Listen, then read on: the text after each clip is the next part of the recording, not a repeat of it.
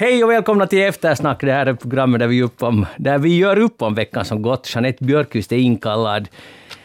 Härligt att se dig igen. Ja, detsamma. Aldrig varit så här roligt Nej. som just idag. Du ser gladare ut än förra fredagen. Ja, Vad beror det på? no, det beror på att den här dokumentären som jag angstade lite över förra fredagen kom ut och nu går det jättebra för den. Ah, grattis. Tack. Den kom alltså på två dagar upp i de tittarsiffror på arenan som jag hade tänkt att kanske kommer på ett år. Över 100 000. Wow, det var ju inte så illa. Nej, det... Så när rann angsten ur? Var det i takt med ju mer tittarsiffror desto mindre angst? Mm, jo, men alltså på det sättet att i takt med att si- tittarsiffrorna steg, jag har alltså suttit online. Alltså vi har suttit med Nicke Meltio som jag gjorde det här med online till midnatt varje dag för att kalkylera att vad spräcker vi nu alltså den här natten. Det har alltså något med sådana här tävlingsinstinkter att göra. Men det här att, att, att kommer det att komma alltså någon sån här, att när ska någon börja rasa och hata? Så det är liksom det som man alltid på något sätt är förberedd när man gör sånt här jobb. Men det har inte kommit några sådana här massiva hatattacker. Och det, alltså det har kommit jättebra feedback. Är du ledsen Förvånad. Är du förvånad över att det inte har kommit liksom mera hat? Ja, jag är alltså faktiskt det. Ja. Men jag är alltid förberedd på det värsta. Pessimisti, ej pety. Som Men man när, säger. sista fråga. När tänker du sluta vaka eller vara vaken till midnatt för att checka tittarsiffrorna? Det låter inte helt Vi ska se nästa vecka. Vi ska se nästa vecka vart jag har kommit i min utveckling. Okej. Du- Vi hoppas att humöret är ännu bättre sen nästa Ja. Joel Backström är filosof. Han är också med i Eftersnack idag. Välkommen med. Tack, tack. Det där, har du haft samma motsvarande angst som... Till exempel när din doktorsavhandling kom ut, kunde man på något sätt mäta framgången på det här konkreta sättet som... Ja, det var liksom m- miljon publik direkt, så det var det för doktorsavhandlingar. Ja. Jag hade väntat mig en enorm hatstorm som uteblev, som tur var. Men finns, alltså, vad, hur, hur, mäts, berätta, hur mäter man framgång där? Eh, nå, alltså, de, de där som vill mäta, så det är ju så här mera då att hur, hur ofta blir ett verk citerat. Eh, det är så som man mäter sådär akademiska poäng, så att säga. Eller nu ett sätt. Men nu för tiden så blir det ju faktiskt lite för akademiker, akademiker också en sån här att man kan följa med sina klick och läsningar och så här, för att man brukar, de flesta lägger ut sina saker på sådana här, det finns sådana här, några plattformar där akademiska, akademiker liksom publicerar eller gör allmänt tillgängliga sin, sina texter och då kan man ju följa med där. Man får statistik varje äh, vecka från ResearchGate eller äh, Academia, är de där två stora. Så att man kan kolla att, det- att så kommer det just så här, lite så här medalj. Congratulations Joel, you, your work is getting noticed. Och sen har man några sex liksom folk som har läst det. Eh, Men det där, man någon sorts provision? Eller betalar du för att få sätta dit det på de där plattformarna? Hur funkar det? Eh, där man betalar inte, man, skulle kunna, man kan betala, då får man liksom en finare plattform. Ah. Sådär. Och sen det vad de gör, eh, jag är inte jättebra insatt i den där ekonomin bakom det, men jag antar att de helt enkelt de sitter på en enorm datamängd nu, om alla, just precis vem, vem som läser vad och, eh, och så här. Så att de säljer väl det till, jag vet inte vilka ställen som sen är intresserade av det. Men så förstås är ingenting, det som med nätet är alltid att ingenting är gratis. Att man, om det inte kostar direkt så betalar man med sin information utan att vara medveten om det. Det borde, sen borde det finnas någon sån där, den där riktiga mätaren, när du sa att hur ofta man citeras. Det borde vara hur ofta man citeras på någon krog, eller liksom i, i verkliga samtal. Ja, ja, ja de där, exakt, de där behöver ju inte alls ha något med varandra att göra. Hela den där akademiska världen är ju jättemärklig på det sättet att ofta så har man en känsla att man skriver för nästan ingen. Fast det kan vara jätte så här prestigefyllda vetenskapliga journaler så har de jättefå läsare ändå, för det är alltid så här små eh, små nisch, ni- nischade grejer. Att, att mycket mera och vettigare feedback får man ju ofta och känna sig att man riktar sig till någon i, helt så här, i offentligheten eller vid ett barbord. Alltså. Det är ju det bästa när någon enskild människa på riktigt har blivit intresserad. Um, så att, Ja, framgång kan mätas även hos Men- Joel Backström. Nu, ja, men sen, ja, Ja. vi, vi ska Ja. inte gå in på diskussionen om framgång. Att vad är nu sen liksom framgång och så här. framgång är ju det hemskaste dessutom, för ju mer framgångsrik man är, desto mindre tid har man ju till exempel. Det är nog, man kan bara önska att man inte ska bli framgångsrik. Men jag vet inte, alltså framgång... Men alltså- vänta, vänta, vänta. Ja. Önskar du att du inte ska bli framgångsrik? Eh, ja, alltså på ett sätt nog, att, och jag är ju inte alls framgångsrik så här i akademisk mening till exempel. Jag har ju ingen, jag har aldrig haft en riktig tjänst till exempel så här. Och sen när jag tittar på folk som har riktiga tjänster som är professorer och så här, så de har ju fått sätta ner en mycket större del av sin livstid än jag har gjort på en massa sånt som inte alls är, som inte är riktigt forsk, inte själva forskningen, inte ens är undervisning utan det är bara så administration kring det. Och mera tid på att göra helt enkelt karriär. Så att på det sättet, och det, det, man måste sätta ner en massa tid på den här framgången om man ska få den. Så att, eh, och, ju, och ju framgångsrikare man blir, desto mer blir man förstås kontaktad av alla möjliga människor som vill att man ska vara med på det ena eller det andra, sitta i den kommittén eller göra det ena eller det andra. Och det är ju det vad framgång liksom då är i ett sådant här sammanhang. Att man eh, just sitter med på en massa möten och så här, om man tycker att det, om man är med, med och påverkar, och det är ju viktigt förstås att vettiga människor, om man nu anser sig vettig, är med och påverkar. Men, men det är ju tid bort från själva det där forskande eller undervisning, eller att bara sitta hemma och tänka. Liksom. Att, Och jag ville säga det, att det här alltså att, att jag är glad över många tittarsiffror är inte liksom en framgångsfråga, utan det att om man har satt ner jätte, jättemycket tid på ett jobb, så är det roligt om det når ut. Och inte så där att man gör det för 200 människor. Jo, jo, och det där är ju viktigt, för det är ju, jag menar, i konstvärlden är också, det, blir det ju ofta sån här underlig motsatsställning, sen som att om man är seriös konstnär så ska man inte alls vara intresserad av att man får publik, och det är ju helt idiotiskt. Så det är klart att man har gjort någonting så vill man ju att folk ska läsa det eller se det eller sådär. Men det är ju sen inte samma sak som att vara publikfriande förstås, att man redan i förväg försöker smöra in sig Men, men folk. eh, du föredrar alltså framgång i det avseendet att många läser det och citerar det på krogen, men inte att det kommer allt det där negativa med framgången. Eller hur? Alltså Eh, ja, möten att- och... ja, Ja, ja, jag, har inga, jag har inga intresse av den sortens verksamhet, men Jag förstår. Jag heter Magnus Lundén, programmet är Eftersnack. Vi ska tala om veckan som gått. Vi är inte i direktsändning, för vi tänkte också ha lite ledigt, precis som jag hoppas att många andra har den här helgen. Uh, Tekniker. tekniker är Anne Heikkilä, Heikkilä idag. Tack för det, Jeanette. Det är bra, du måste påminna mig om det här. Och när du är ännu inne på, på att påminna, kom ihåg att idag ska vi spela en låt, en fantastisk låt. Och jag får inte glömma det i slutet av Eftersnack. Alltså vill du, Magnus Londén, att jag, Jeanette Björkqvist, ska påminna dig? Ja, Alltså mitt minne räcker ungefär Ja. tre sekunder. Okej. Vad var det jag just påminde dig om? Jag vet inte. Nej, precis. Nå, hej, eh, vi ska börja. Det, alltså, vi står ju på randen till krig eller någon, någon form av ny intifada i Mellanöstern och riksdagsledamöterna i Finland debatterar EUs, eller inte bara i Finland, men EUs stimulanspaket till halv fem på morgonen, så jag att det var på, på onsdagen. Men eftersom det är så här pending grejer så går vi till ännu större saker. Jag skulle diskutera borgmästarna. Alltså här var en, här var en liten artikel i HBL. Tjänstemännen föreslår påökt för borgmästarna. Det här gäller nu Helsingfors. Och motiveringen är att, att man får minsann högre lön i Esbo om man är borgmästare. Och det där, I dagsläget tjänar Jan Vapavuori som ska avgå ungefär 16 350 euro i månaden, där inklusive bilförmån, så det är ju inte bara i reda cash. Men i Esbo får man lite mera. Jeanette, vad tycker du om det här? Vänta, och, och alltså motiveringen som tjänstemännen, alltså våra skattebetalare, tjänstemän tycker att, det är inte nu riktigt rätt att Esbos äh, borgmästare får mera fyrken i Helsingfors. Så det tar på något sätt på självkänslan. Ja. Nu är det ju det där så att det får man ju tycka om man vill. Men det där, jag kan nog säga att så där nuläge, så som det ser ut alltså helt ekonomiskt, så tycker jag att det är sällsynt dålig alltså timing att börja föreslå på ökt på en sån här lön. Varför är det dålig timing? No, därför för att det går, alltså coronan har ju orsakat en massa utmaningar och massa människor, alltså till exempel helt alltså anställda i Helsingfors stad och Esbo stad för den delen, har haft det ganska tajt. Och, och ganska många finländare har det också tajt, så då, då, då ska man inte komma, tycker jag, eh, med sådana här utspel. Mm. Joel? Eh, Ja, jag vet, man förstår ju förstås den där logiken bakom det, för det är ju så där man alltid tenderar att tänka, så att vi måste kolla vad är den allmänna i branschen så att säga. Dominerar det, och det å ena sidan och sen just en sån här helt löjlig prestigefråga att eftersom ändå Helsingfors är huvudstaden så kan vi ju inte ha sämre lön än Esbo.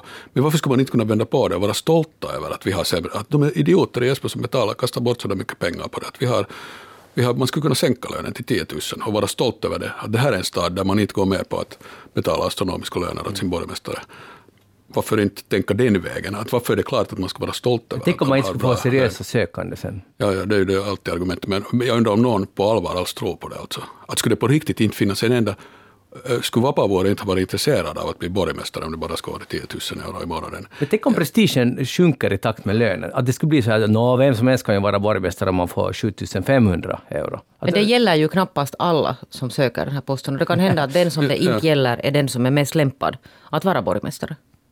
Och det är ju ändå det där jobbet är väl ändå det som drar och inte bara de där pengarna. Då kan man gå till en massa andra ställen där man har mycket högre lön hur som helst i Fast det är nog inte så jättemånga som har mer än 16 000. Men nu finns det ju säkert på privata sidan Jo, visst finns det förstås. folk som har betydligt bättre lön än det. Så att, eh, och igen, jag menar att att man söker sig, om man vill väl ha en borgmästare som verkligen är intresserad av stadens angelägenheter och tänker eh, helt enkelt eh, är dedikerad till det och då kommer det ju inte att hänga på det sättet på pengarna. Jag menar, jag förstår nog kanske att man inte har 3000 euro, eller varför inte? Mm. Varför, varför inte så ser man vad, vad man får, det ska vara intressant, vad ska man få för sorts människor som ska söka ett sånt jobb. Det skulle vara superintressant. Så skulle man ha samma, samma kriterier och man skulle ha samma process. Och se, ja. Var landar vi då? Det skulle vara coolt om Helsingfors skulle säga att vi, vi är, det är tre ton i fem som gäller, plus bilförmån. Eller cykelförmån, ursäkta. Ja. Cykelförmån, tre ton i fem, men du får jättemycket makt. Och vi gallrar på samma sätt som vi annars skulle ha gjort. Ja, man skulle ha, för de har ju nu det där att de vill bli, Helsingfors vill bli världens tredje bästa cykelstad ja. efter vad det nu är, Köpenhamn och Amsterdam. Ja. Och då ska man också, man, världens, med världens sämst, vär, eh, den metropolen med den sämst avlönade borgmästaren. det här vill Finland bli nummer ett och se hur bra borgmästarkandidater vi får i så fall. Men det här finns inte mod till att göra det här, det kan jag lova dig. Men, men uh, jag är också intresserad av de här tjänstemännen, de sitter där kanske de har så här stående skrivbord också, men de står, men så kommer de fram, vi måste, vi måste fixa mera lön till borgmästaren. Alltså, jag bara inte förstår, att, är det någon sorts medborgarinitiativ? Finns det en allmänt tryck någonstans ifrån? Har det varit jätteoprestigefullt att vara borgmästare i Helsingfors? Det kan hända hur, att det där, hur, hur en sån här process börjar. Ja, men det börjar ser du säkert så att de här sjukskötare och de här närvårdare och vad de nu heter mm. som, som finns där alltså på verkstadsgolvet har tänkt att vits är att vi skulle säkert ha det mycket bättre om borgmästaren skulle ha lite högre lön. Ja, det är det. Så det är därifrån kanske initiativet har kommit. Från gräsrötterna. Ja, att om, ni, om ni höjer borgmästarens lön så kanske vi får det lite drägligare här. Mm. Hörde, det finns ett argument som du inte hade tänkt på. Uh, varför tjänstemännen listar olika argument enligt den här artikeln i HBL. Och där är en att, jag citerar, Helsingfors är en nationell... Gissa vad som nu kommer. En nationell... Mm, en nationell... Mm, Metropol. Nej, mycket starkare än det. No, säg. nationell tillgång. En, Helsingfors är en nationell impulsgivare. Och just det, då skulle man kunna utnyttja ja. det till att sänka den här lönen i så fall. Vi är nationellt impulser och kanske internationellt. Helsingfors skulle bli en internationell impulsgivare om vi skulle sänka lönen till 3000 euro. Då skulle det verkligen bli internationellt. Jag garanterar att så länge man har 16 ton. Rubriker, enorma rubriker i internationell press. Och du har rätt, för så länge det är 16 ton är det bara en nationell impulsgivare. Ja, exakt. Så, Ja, så är, nu har vi löst den problemet. Hej, Jan Vapoborg kommer att byta arbetsplats. Han slutar som borgmästare i Helsingfors och nu ska han börja jobba för danskt, uh, vad man nu ska kalla det, sån här, de köper och investerar i fastigheter, NREP, NREP.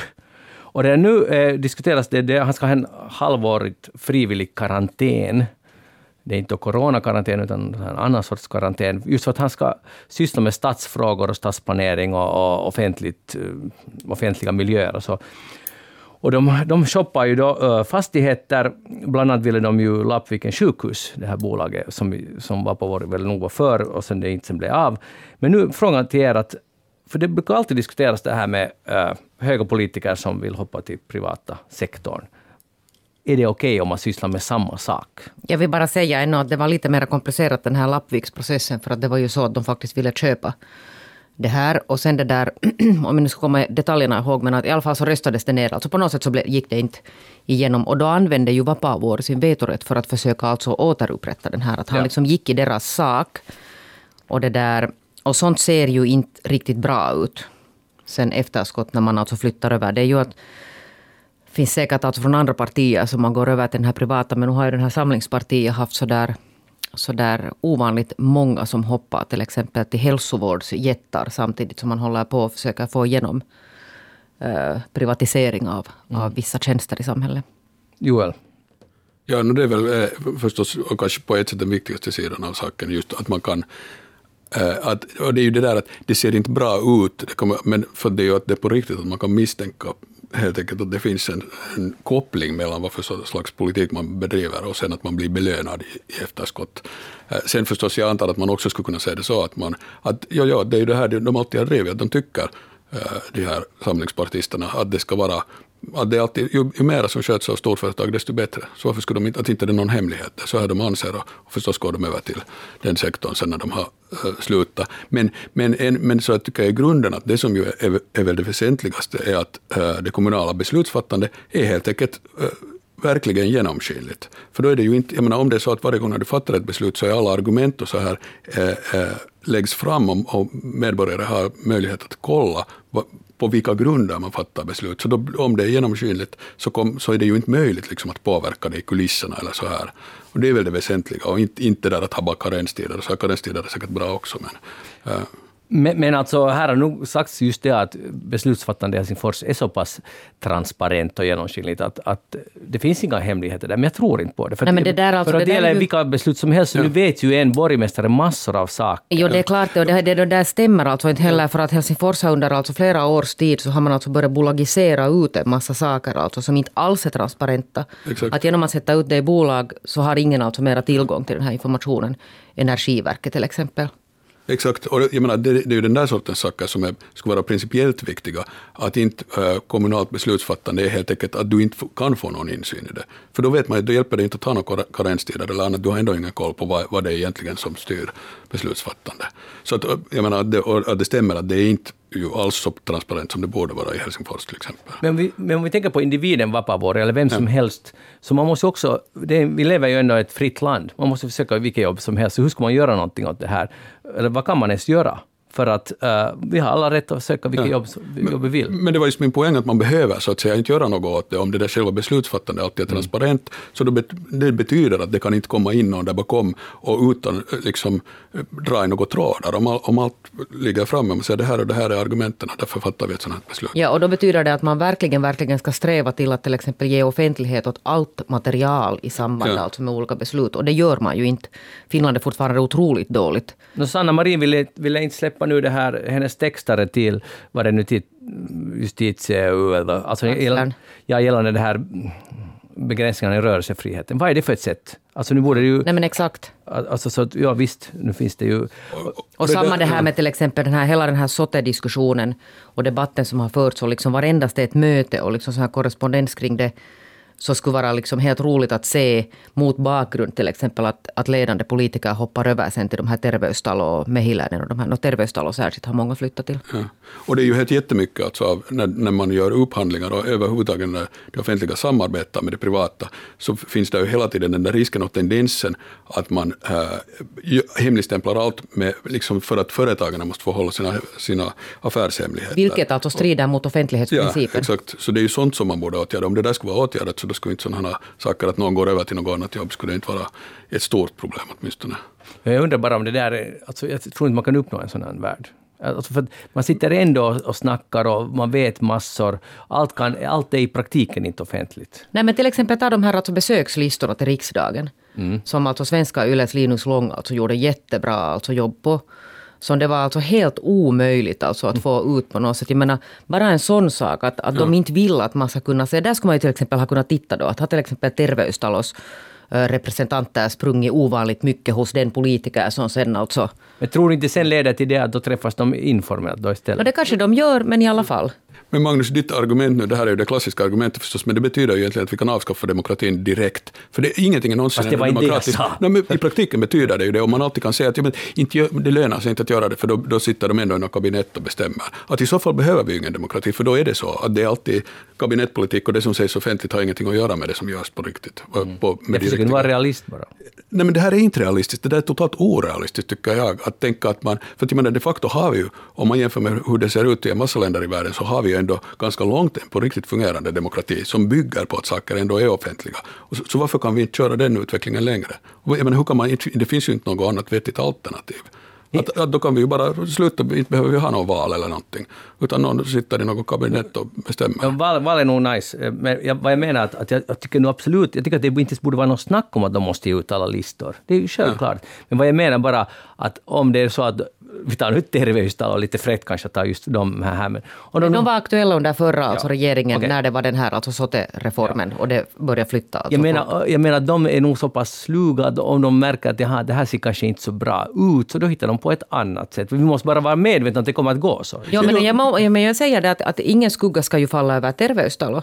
Jag menar, om de till exempel vill, vill uppvakta politiker i samband med någon SOTE-reform där det talas om att man ska alltså börja privatisera delar av av servicen. Inte det, gör, men det är klart att TV-stall gör det. Varför ska de inte göra? Ja, det därför måste vara offentligt. Ja, och det är ju helt alltså i deras liksom, rätt och, och uppgift att de ska försöka alltså få åt sig själva. alltså. Fast det är ju också alltid det bara att, att större aktörer har större möjligheter. En sån stark kraft som TV-stall har mycket säkert lättare det. tillgång till. Men alltså skuggan ska inte falla över dem. Utan det liksom är ju sen den här att vad gör alltså politiker till exempel med den här lobbningen? Mm. Och liksom hur väger alltså den lobbningen i förhållande till annan lobbning i den här saken? Och sen är ju poängen ändå med demokrati, alltså, eller en viktig sida av det, är just att, att, äh, att jo, att det stämmer alltid att större aktörer har större muskler och kan, liksom, kan lobba mera så här. Men sen om, det är ju det som är poängen med att ha äh, beslutsfattandet och argumenten för beslut offentliga, att, att sen när du har argumenten på bordet, så inte, fast det är någon med mera pengar och makt som ger ett sämre argument, så borde det i princip vara det bättre argumentet som vinner, som kan vara givet av någon som inte har några pengar alls. Att där är, det, det är ju, och det är ju därför som den här offentlighetsprincipen liksom i, princip, i princip så att säga gör att, att alla står på samma, uh, samma linje. I princip, ja. Uh, och jag menar, det är väl det enda man kan... Att det är klart att ingenting av det där går att uppnå idealt någonsin och totalt. Det finns ingen total transparens och det finns inte något totalt så att det är bättre argument alltid vinner. Men nu kan man ju sträva åt det här hållet och åtminstone nu avskaffa allt som, allt som hindrar det som går att avskaffa. Och sen blir det ändå kvar saker som inte går. Jag menar just så här informellt, vem känner vem, att man tenderar att lita på någon som man har talat med tidigare. Sånt, sånt går ju inte liksom att, att påverka. Men allt det där som skulle gå att påverka, så då borde man dra det så långt man kan åtminstone. Där skulle man också kunna vara sån här, vad var det, inspiratör, vad var det? Uh, impulsgivare. Impulsgivare ja. sådär också, till EU till exempel. Och, ja. och det, är också, det är ju helt sjukt hur ofta det, alltså folk som sitter i, i styrelser till exempel, tar någon vad som helst unistyrelse eller någonting, bara som ett exempel, att man, eh, att där finns den där idén att man kan inte diskutera saker i en styrelse om någonting får komma ut. Allt måste vara konfidentiellt. Den där idén liksom att, men vad är det för en jäkla idé att om man är med i någon, eh, sitter och fattar beslut om offentliga angelägenheter och sen tycker man ändå att allt man säger om det och hur man argumenterar om det, så det ska allt vara hemligt. Ja, men, jag förstår inte alls den inställningen. Varför sitter man då med i något sånt? Gå med i frimurarna i så fall. Få med ett hemligt sällskap om dra du vill att allt ska vara... Ja, dra på en kåpa och berätta inte åt någon vad du pratar om. Men, mm. men jag, menar, jag förstår inte varför den där idén om konf konfidentialitet, alltså att man tydligen, vem är man rädd för? Vem är det man inte vågar säga sina riktiga åsikter och argument? Och... Journalisterna för att de alltid missförstår och sen börjar de skriva fult om en. Det som förstår inte journalisterna något. Nej, det är ju det. det, är det. Hej, eh, jag vill diskutera hybris och krabbis. För, och jag tänker nu faktiskt igen på Helsingfors eh, och Sibbo, för att nu har HFD, Högsta förvaltningsdomstolen, den här veckan förkastat generalplanen för Östersund om man har tänkt göra, ska bygga bostäder för 80 till 100 000 människor i Östersund. Har ni varit i Östersund? Jo. Det, det, ser inte ut riktigt som ett ställe som ska få 100 000 människor. Som tur. Ja, och, och, så tänkte man då dra metro dit, men det här nu kommer inte att bli av, i alla fall inte för att var det nu andra eller tredje gången så HFD säger att nej, det här duger inte. Att ni har inte beaktat naturvärden tillräckligt mycket. Och, det, och jag, bara, alltså jag kan inte låta bli att använda ordet hybris och krabbis Alltså, var det inte 2008 eller 2009 som Helsingfors och det var, eh, annekterade helt enkelt Sibbo och det var jätte, jätte, jätte bråttom för att allt kommer att gå åt fanders om inte vi nu får Sibbo så vi kan börja bygga för att Sibbo har kloppat till det och de jo, för vägrar bygga. Sibbo inte har, exakt, för att Sibbo ja. då har misslyckats och inte planlagt att börja bygga där. Och hela republikens liksom, framtid står på spel. Nu har det gått ganska lång tid och det kommer inte att komma de här husen där. Och, och, och det, jag undrar bara, alltså, Tänk så sjukt mycket fyrk det har gått åt till de här olika planerna som har gjorts. Nu har det också gjorts i samarbete med Sibbo och Vanda. Eh, och, det, och det går åt fanders varje gång och det blir ingenting. Och ingenting händer. Och kommer någon att vara ans... Ja, okej, okay, det var mitt fel. Det var, det var, det var fel beslut. Vi borde inte ha försökt vi borde, att, vi, vi borde, borde inte för det första ha någonsin tvångsannektera ja. det här området och bara tagit det åt oss. Och vi borde först ha kollat, kommer vi att få tillstånd att bygga? Kommer vi få de här storskaliga Kommer de att gå igenom? Det måste finnas något sätt att förankra det och diskutera ja, och sen det här vad är realistiskt. Att, att det behövdes de här planerna någonsin. Ja. Joel? Ja, jag kommer bara ihåg att det var ju upprörande då tyckte jag ändå hur Helsingfors betedde sig, och inte, inte bara hur Helsingfors betedde sig, utan att de fick ju välsignelse för det av då, mm, men det måste vara det förvaltningsdomstolen där också. Det, var en var... utredningsman som sen redde ut det, som kom fram att allt var jätteokej ja. skött. Nu om man ska komma ihåg att helt detaljerna, men jag har för mig att Jan Vapaavuori var minister då, han var alltså inroddad i det här tror jag. Uh, ja, jag har också, men nu ska vi inte påstå jag, någonting. jag påstår ingenting om hur, hur det exakt gick till, jag kommer bara ihåg att det var på något sätt upprörande, eller att man fick den känslan, att, klart att, här, att det är en, en större som vill ta av mindre och sen, sen får det liksom grönt ljus och, och välsignelse just av. Mm. Men Jeanette, har du någonsin drabbats av hybris? Säkert har jag gjort det. Men du kommer inte ihåg något? Nej, jag kommer, det, var, det var mer än tre sekunder sedan. Aha, men hur är det med krabbis? Det har jag nog också drabbats av. För- att jag försöker också tänka, någon av dem har liksom gått lite på övervarv och som den här kombon av hybris som leder till krabbis, det måste vara bland det värsta. Det, det kan inte vara trevligt. Jag, jag, jag kommer inte nu heller ihåg. Men det förutsätter att man har självinsikter nog att liksom förstå att det får lite åt pipan. Det har ju inte alla heller. Det är då man vill springa gatlopp, som det heter. Joel, hybris. Då när doktorsavhandlingen kom ut. Eh, men då hade den ju kommit ut. Ja men sådär, vet du, du blir, nu, nu, nu blir du stor, nu blir du liksom filosofen. Alltså jag tycker på det sättet att hela tiden märker man ju att man har haft hybris. Att jag tycker att ju äldre jag blir, så desto mindre förstår jag, eller ska vi säga desto mer förstår jag hur lite jag förstår om saker. Eh, Och som jag när jag var lite yngre. Och, och den här processen är tyvärr, eller som tur var, inte alls slut ännu, utan mera och mera tycker jag att jag li, blir varse hur, just hur, lite, hur dålig koll jag egentligen har på någonting alls. Blir du ledsen det- över det eller blir du glad över det? Eh, no, alltså snarare glad, för det är ju tur när man inser att man inte fattar något som Ja, snarare än att man skulle gå omkring och tro att man fattar det som man gjorde tidigare. Men det är förstås inte, inte jag menar ibland är det ju verkligen sådär, uh, känner man sig skamsen och, och gör, jag menar man har ju sagt en massa hemska saker för att man har trott att man vet och sitter sådär på någon moraliskt höga hästar eller annars vet en massa precis som hur saker ska vara när man inte har någon koll alls. Så på det sättet tycker jag att, att på något sätt att växa upp har delvis att göra med att Mm. lite fatta åtminstone mera och mera hur mycket man har lidit av hybris. Men jag tycker det är jätteskönt. Alltså, jag tycker det är en, det är en positiv utveckling. Ja, Alltså, ja, ja. och- Hos en själv, om det går åt det där hållet. Men nu är frågan att gå Helsingfors åt det hållet. Tror du de nu, har de liksom, går de igenom samma process som filosof Backström? Ja, no, den där höjningen av lönen var kanske då inte ett exempel på Nej, nej, med faktiskt inte. Men då borde vi veta att vem som var inroddade då i det här ursprungliga som egentligen är kvar. Ja, det är nog säkert ungefär samma, samma För att folk. det har, nej, jag tror nog att det har säkert bytt en del här Mhm. sinns. Okej, ja, Jeanette Björkqvist, vad har du tänkt på den här veckan? Nu vet du, jag har tänkt alltså i flera månader på det att det där sådana prövningar för personligheten. Vad det har, menar du? No, det har att göra med det att där ovanför oss Pröv. så det där så köpte, alltså bostaden ovanför vår köptes här i början av året. Och, och sen gick det här husbolagets styrelse och välsignade en, som vi nog visste om att skulle vara en ganska omfattande renovering. Men sen kan det hända att ingen riktigt på riktigt förstod att hur omfattande det var. Så det som har pågått, alltså nu medan hela samhället har varit nedstängt och kaféer och alla bibliotek, att de har alltså, de här människorna som har köpt den har rivit ut alltså allt.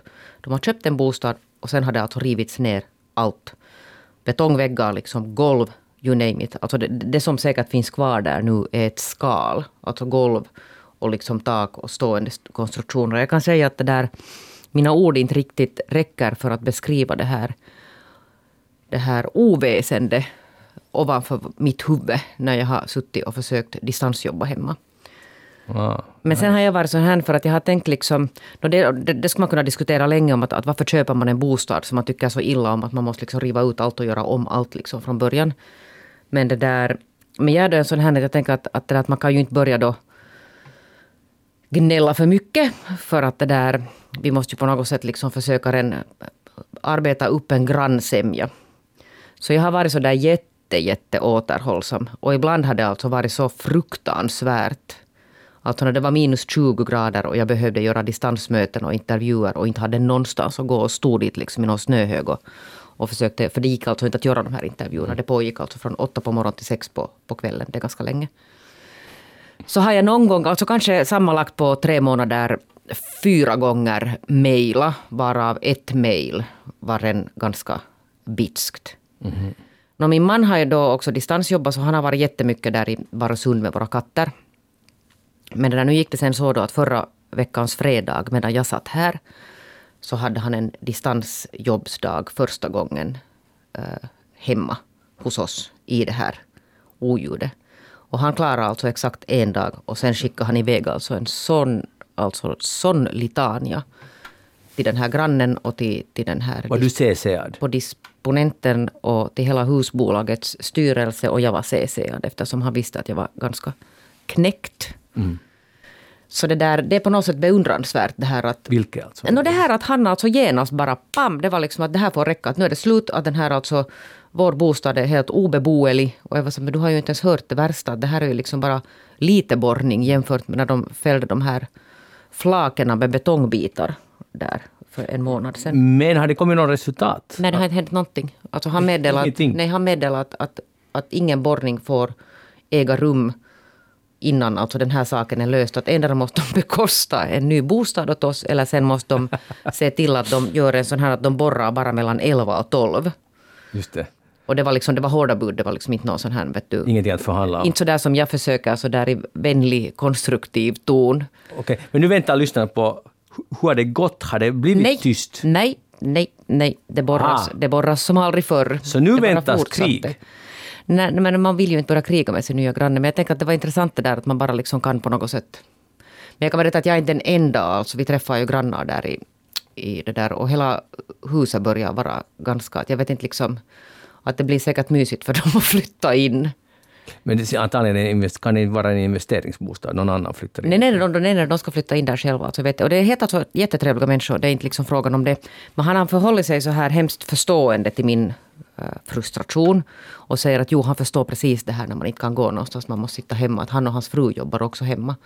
Och så att, du förstår ingenting, för ni har säkert inte någon som, som river ut en hel bostad ovanför er. Jag tror att det här är ganska många som är i den här situationen, för det är ju jättemycket renoveringar på gång. Jo. Corona har lett till det. Jo, och det som man inte tänker på, alltså, och jag förstår jättebra, vi har renoverat också alltså, i höghus. Jag vet att det är inte någon lätt sak det här. Man, man är mycket medveten om att man stör. Men sen när man alltså börjar genomföra sådana här renoveringar i tider då människor inte kan gå bort hemifrån. Mm. Så vad är din lösning, Jeanette? Den är ingen alls, utan jag har ju suttit sen och surfat på de här, att, de har ju nog alltså i princip rätt att, att det där, göra det här. Då måste vi fråga Joel, har du någon lösning på det här? För det är egentligen en omöjlig sak att lösa. Det är bara att flytta. Flytta bort. Det Sälj lägenheten. Sälj lägenheten. Men då har ni, det är lite som mobbande, då har ni förlorat. Ja. No, det är just det. Och, inte, jag menar, nej, och jag vill ju inte liksom, jag menar, jag, jag förstår, på, på ett sätt liksom förstår jag ju dem. Det, där, det, har inte, alltså det har nog kanske inte riktigt nu skötts. Nu om ni, om ni, det mest konstruktiva förstås ni kan göra är att nu väntar ni tills de har renoverat färdigt och flyttat in och sen börjar ni rempa Men vet du vad? Det är ju exakt det vad jag Borra. har Ni tänkt. börjar borra, borra, det är ju borra, exakt borra. vad jag har tänkt. Och sen har jag tänkt på att hur kan man fästa alltså någon sån här hemska liksom apparater dit i vårt tak som liksom gör någon sån här Att fruktansvärd... det vibrerar lite. Ja, det är just det här vibrerar och har konstruktiva. någon sån här liksom jätte... Någon sån här liksom, man sätter någon sån här, vet ni, högtalare med någon sån här betongborrsljud på full volym liksom rakt upp dit till deras... Men sån här Ja, Du ska blir... spela in det vad de nu gör och så spelar du tillbaka. Men det har jag ju själv. gjort. Förstår ni? Och det är det jag menar med Har här... du spelat in det? Men det är det här vad jag säger. Att, Har du spelat in det? Jo, men det är det här som händer. Alltså det var det här som jag, alltså var lite den här personlighets, alltså vilka egenskaper man hittar hos sig själv sen när man lever under sån här, sån här tryck. För att jag har faktiskt alltså suttit och spelat in. Och just att förstöra sen några månader till av sitt eget liv genom att föra oväsen Ja. åt grannen så att de åtminstone inte ska kunna sova. Jo, men alltså jag, kan, jag kan jättemycket alltså sympati. Jag förstår alltså hur sådana grannkonflikter som sen alltså leder till, till Men, men det, tingsrätten. det är så här kriget speglar oss, liksom, formar oss, att man, blir sen sån ja, där men man, psyk, alltså man, psyk liksom bryter ju själv alltså sen där i något skede. Så förlo- alla förlorar. Men alltså nu, nu är det ju, om vi tänker det som ett krig, så nu är det ju helt effektivast att just den dagen, när, de när du ser att de helt har de, har de barn, Ingen aning. jag hoppas, jag hoppas att några småbarn som just har fötts, så just när de, när de har liksom bott där några dagar och i sin nya idyll, så då sätter du igång och så går du och säger att ja, du vet hur det känns, att det är jättesynd, men vi måste nu renovera Ja men alltså det är ju ändå lättare för att det där, nu kommer man ju alltså bort hemifrån. Men förstår du det här att, att leva i två månader, att du inte kan gå någonstans. Mm. Du måste fixa någon ny coronaepidemi så att han inte kan... Det är sant, ja. De- Men det, det, kanske det är det är- absolut värt. En ny coronaepidemi för att... Alltså, för det är, ja, det, det är i proportion. Jag Men- känner ju att det här är bra. Det här var en bra lösning. Ja, jag ser också hur gladare du blev. Ja. Ännu gladare. Bra att jag har löst det problemet, men du är inte ensam. Jag tror faktiskt det är många Nej, och jag satt alltså någon gång satt jag ut på Facebook här mitt i det här så kom det alltså massa människor som var också helt så att de, alltså, det här alltså det, det är ju fruktansvärt alltså att leva när det renoveras stort någonstans. Det är ju, det är ju som tortyr alltså. Ja, det är också otroligt hur bra det kan höras. Ja, och sen är det otroligt att det finns ändå alltså sådana tidsramar. Att man kan i ett höghus så kan man hålla på från åtta till sex bara med så att jag meddelar nu. Och det är en ganska lång tid alltså. om man håller på med stora saker. Men min dotter kommer hem från skolan klockan ett. Så hon har ju gått alltså nu i flera månader med hör, sådana mm. hörselskydd. Som inte alltså hjälper.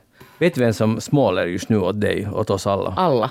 Ja, men extra mycket de som bor i, i ett eget hus. Ja, det vet jag. Ja, men det fick jag ju genast på Facebook ja. också. Så att det förstås är det liksom en fråga om... Men där hade nog också en del människor det där erfarenheter av grannar som håller på. Ja, det, det är också sant. Joel Backström, vad har du tänkt på den här veckan? Uh, jag har tänkt på kommunalvalet och politiska åsikter. Uh, och min gamla tes som jag kanske någon gång har dragit eftersnack också om att man borde förbjuda alla åsikter uh, har på nytt aktualiserats. -huh. Det där, uh, eller alltså, jag menar det här menar jag förstås inte på riktigt förbjuda, men, men bara hur underliga så här åsikter är. Om ni, har ni följt i den där uh, Yles valkompass? Jo, jo, jag försökte, ja. men det där, den, den stärvar ganska många gånger, men sen kom jag igenom den jo, en gång. Men bara, jag tycker att nästan alla de där frågorna var sådana att det finns inget vettigt att svara på dem. Att de är helt sådär underliga. Att man ställs inför alternativ där alla, där man liksom inte, inte kan man tycka någon generell åsikt att borde man göra sig eller så. Att om du skulle, man ska rangordna till exempel att om, om kommunen har för lite pengar så vad, hur ska vi få mera pengar? Ska vi eh, stänga bibliotek och skolor eller ska vi eh, skjuta framåt eh, satsningar på, eh, på renoveringar eller ska vi permittera personal? Eller några olika dåliga Varför kan du inte ha en åsikt om det? Ja, alltså, man kan ju ha, men på vilka grunder skulle man ha en sån generell åsikt om det? I motsats till sen om du sitter där och ska fatta beslut om något så måste du fatta ett beslut och sen får du välja det ena eller det andra. Men det, i allmänhet, varför är det ena bättre än det andra? Uh, menar, det finns, men det är inte sådana värde, värderingar man söker där? Jo, jo men vad är, det är just det som jag undrar, att vad är sådana värderingar egentligen? För det, det, var, det var alltså intressant att det är helt klart att de säger någonting, de där spontana svaren man är benägen att ge. För att jag svarade först på den där kompassen, just sådär, samtidigt som jag var vid varje fråga att egentligen är det helt idiotiskt att alls ge något svar här. Men om jag nu skulle måste sätta ett kryss någonstans så skulle jag sätta det ungefär så här. Liksom på något sätt just en tendens. Nåja, och sen när jag kollade vad kom det för kandidater då så kom alla de fem kandidater som mest motsvarar mig eh, enligt denna kompassen var alla från samma parti. Så, så, så fyllde jag i på nytt och så att säga, jag tänkte sådär lite att äh, jag sätter ungefär rakt motsatt mot vad jag annars skulle sätta. Och då kom igen alla fem första var från samma parti men från ett annat alltså parti. Men så det betyder på något sätt att det finns, som, det här är inte överraskande, men att, att man kan på något sätt gissa att någon som röstar på ett visst parti kommer antagligen ungefär att svara sig eller så. Äh, så som någonting säger de ju.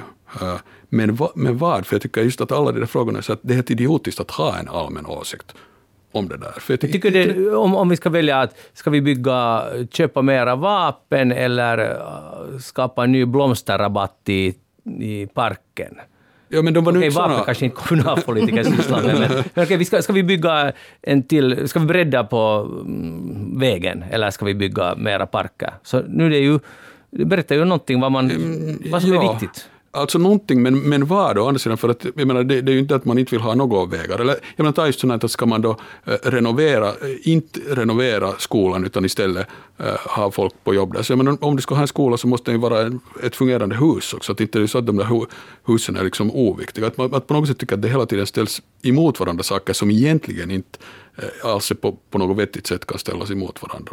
Men det är ju alltså det där, det, liksom, det, det är ju inbyggt på något sätt i den där valkompassens väsen att på något sätt måste man alltså göra de här, ställa de här, göra de här frågeställningarna så att det går att, att det där mäta någonting. det är ju inte så här diskuterande Nej, nej. Och det, jag menar, det är det som är problemet alltid med enkäter, att man skulle vilja invända mot, eller fråga om, om varje fråga. Att, menar du så? Eller ja, man kan tänka på det på det här sättet. Eller sen å andra sidan, om du tänker så där så skulle, skulle jag vilja svara annorlunda. Men det får man ju inte göra, det är ju det som är hela poängen med en enkät. Att just, du måste bara välja någonting. Men så tänker jag också att en, en och, då får man något mätbart, men vad är det som man mäter? Det är det som är mera min fråga. Att vad sen är det jag alltså det där, vem som, alltså hur många som gör dem, vilka slags människor som alltså använder sig av de här och vad man söker alltså med en sån här.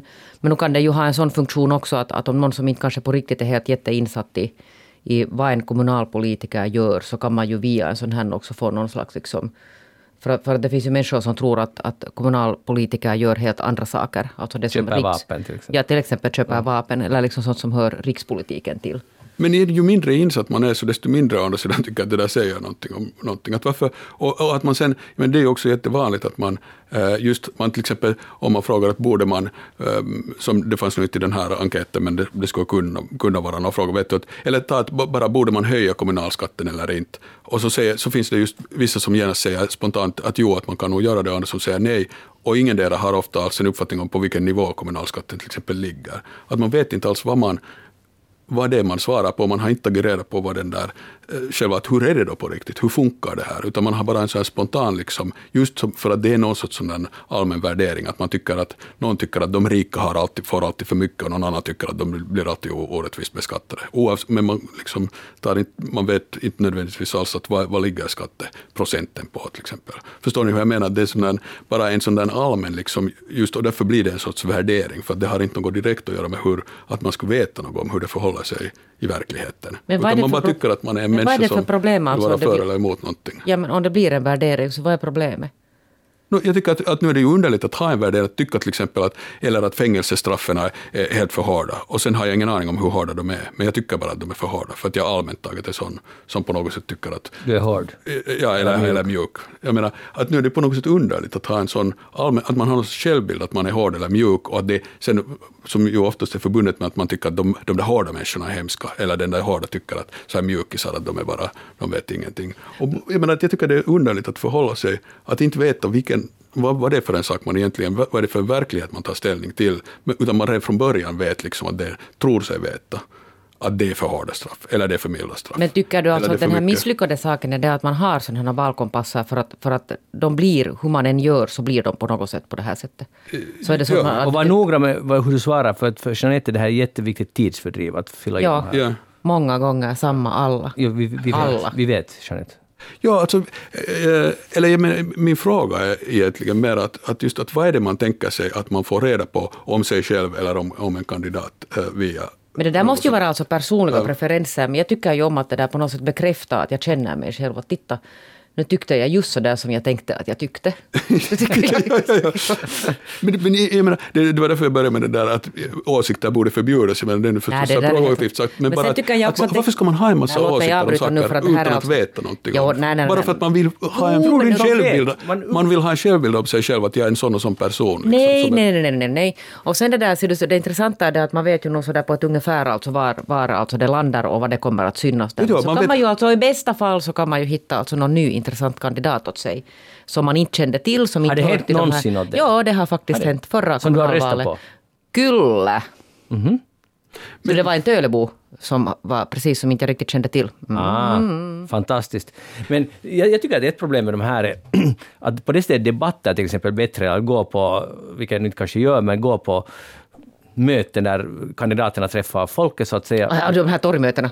I jag vet att dem, de, har redan, alltså, de har redan börjat bygga upp de här. Ja. Karnevalen är igång. Ja, ja. Men alltså, det är ju, jag tycker det är ett problem, för där får man man, kommer ju, man får ju aldrig argument för motsidan på det sättet. Man, man, man kryssar för mjukis, hårdis och whatever. Och, och sen blir man jättenöjd. Här är en som tycker precis som jag. Det, det, det, och så läser man argumentet och gör det här var nog bra argumenterat, om man ens gör det.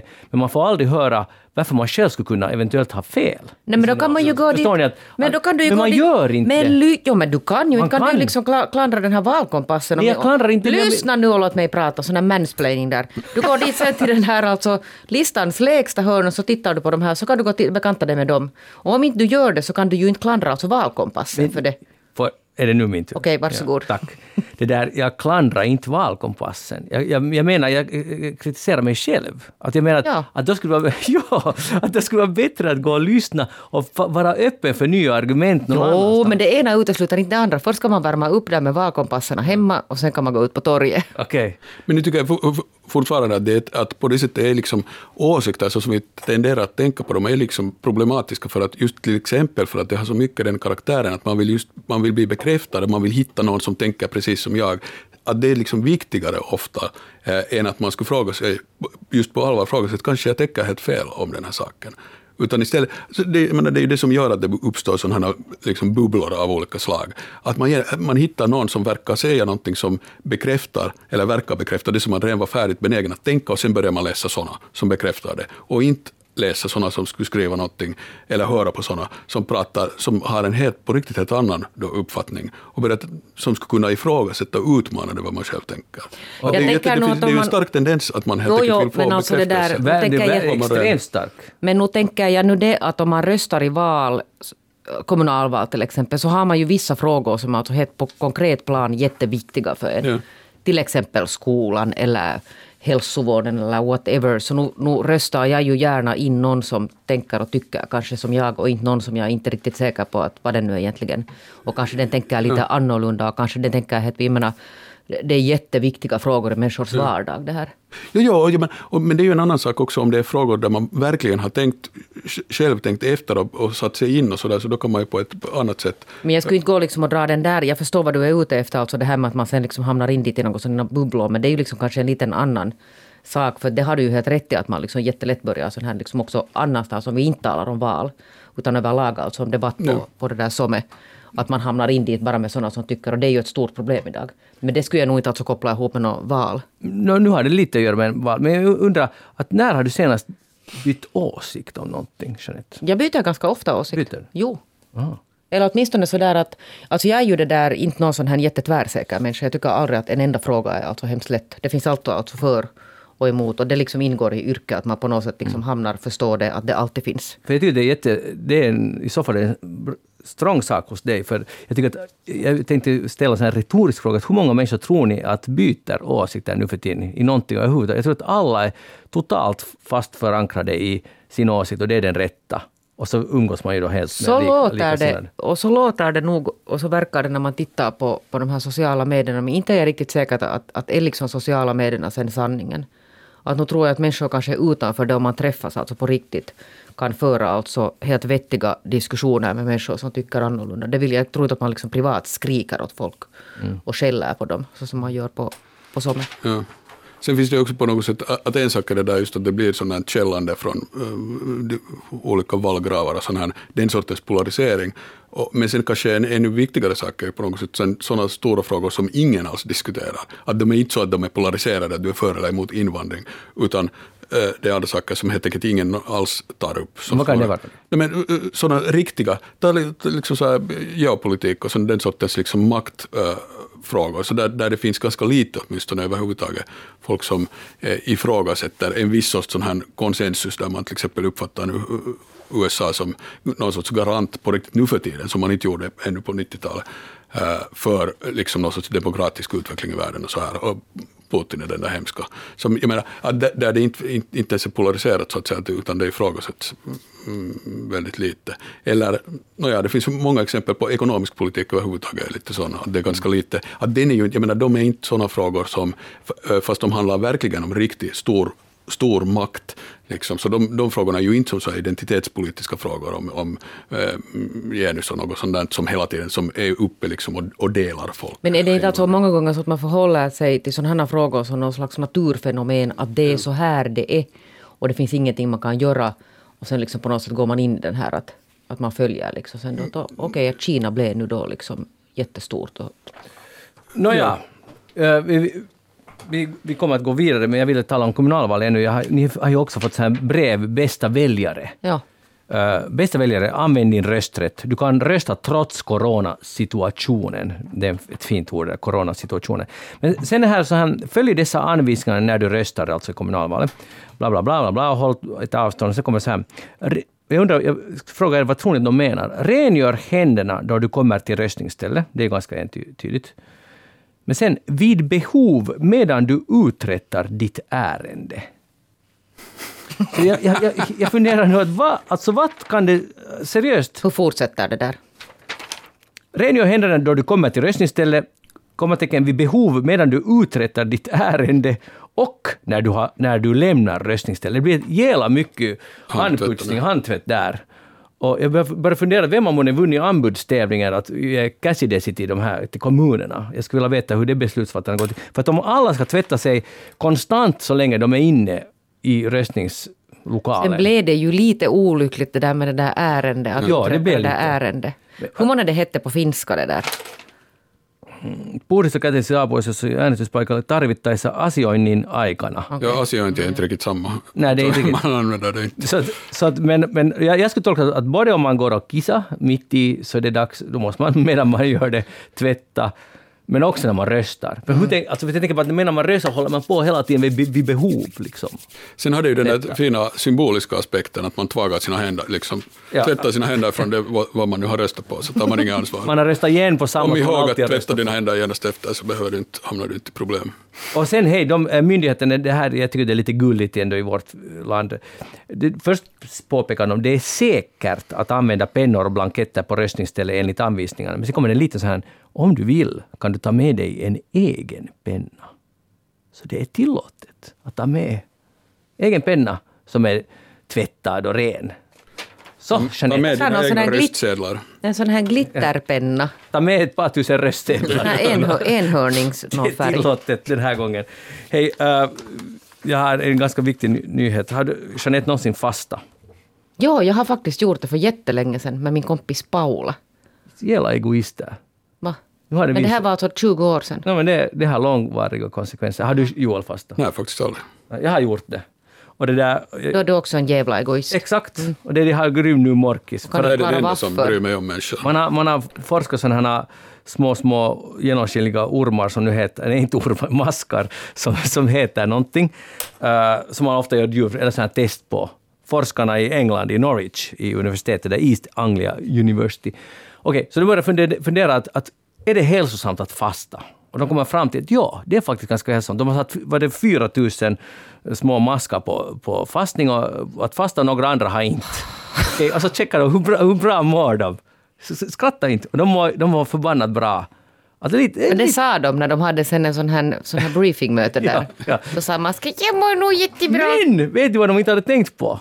Att kommande generationer, de har sen, hade sen checkat fyra generationer framåt. Hur mår barnbarnen till de här som fastar? Och de mår jättedåligt. fast- Maskarna.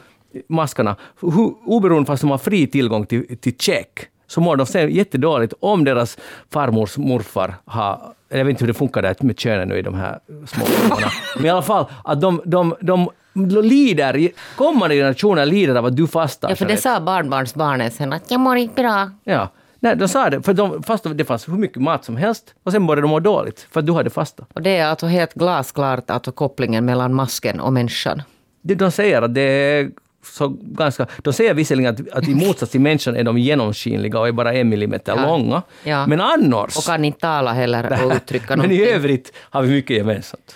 Ja, vad ska man säga det där om den här med djurförsök? Jag, jag säger en sak och det är att Joels barnbarns barn kommer att vara lyckliga figurer. Medan våra... De kommer att vara en millimeter långa och genomskinliga era barnbarn. Jag vet du Magnus på något sätt så jätte, jätteglad att du inte blev forskare. Alltså, tvärtom, jag tycker att forskningen har förlorat. Men du har drar lite, du, du drar lite, slutsatserna går lite för snabbt där nog. Mm. Hej, eh, nu ska vi komma till den här låten som vi hade lovat. För det, det är ju nu vår i luften. Och äntligen, var en gång per år spelar vi eftersnack vårstämning med Snowstorm. Ett rikssvenskt band eh, som är nu aktivt, som var den här låten är ungefär från 84 eller 85. Och jag hade bett filosof Backström lyssna på låten i förväg. Och, visst är det en full tia? Eh, ty, säkert på någon skala. På min, men hur är det på din skala? Eh, no, alltså den, det Svänger. nu heter? no, nu svänger den ju på ett mycket klassiskt sätt. Ja, jag, ty- Att den, den är ju jätte old school. Ja, det det, den. säga. Men det är en tradition, ser du Joel. Men alltså, jag tycker att det finns en viss livsglädje ändå. Att bilarna mm, vad var det, kör ner för Avenyn. Bilarna, avenyn, bilarna kör i karavan. Och när jag vandrar ner för Avenyn är det vårstämning i stan och alla är så Ja. lättklädda och alla är så glada. Och det har varit en lång, lång vinter i år. Mörkret och kylan har satt sina spår. Det är ju poesi. Ja, absolut. Det, där. Speciellt Det lät här bättre när du läste det sådär utan den här melodin. det är inte bra poesi, men det är nog poesi. Det är poesi. Och eh, jag hoppas ni alla njuter har en skön vårhelg. Jeanette Björkqvist, det är vårstämning i stan. Det här alltså handlar ju om Göteborg, men det skulle lika bra kunna handla om Vasa eller Rovaniemi eller Helsingfors. Och ja. Och Joel Backström, tack för att du var med här idag. Jag heter Magnus Lundén. Eftersnacket tillbaka igen om en vecka och tills dess njut av solen. Hej då!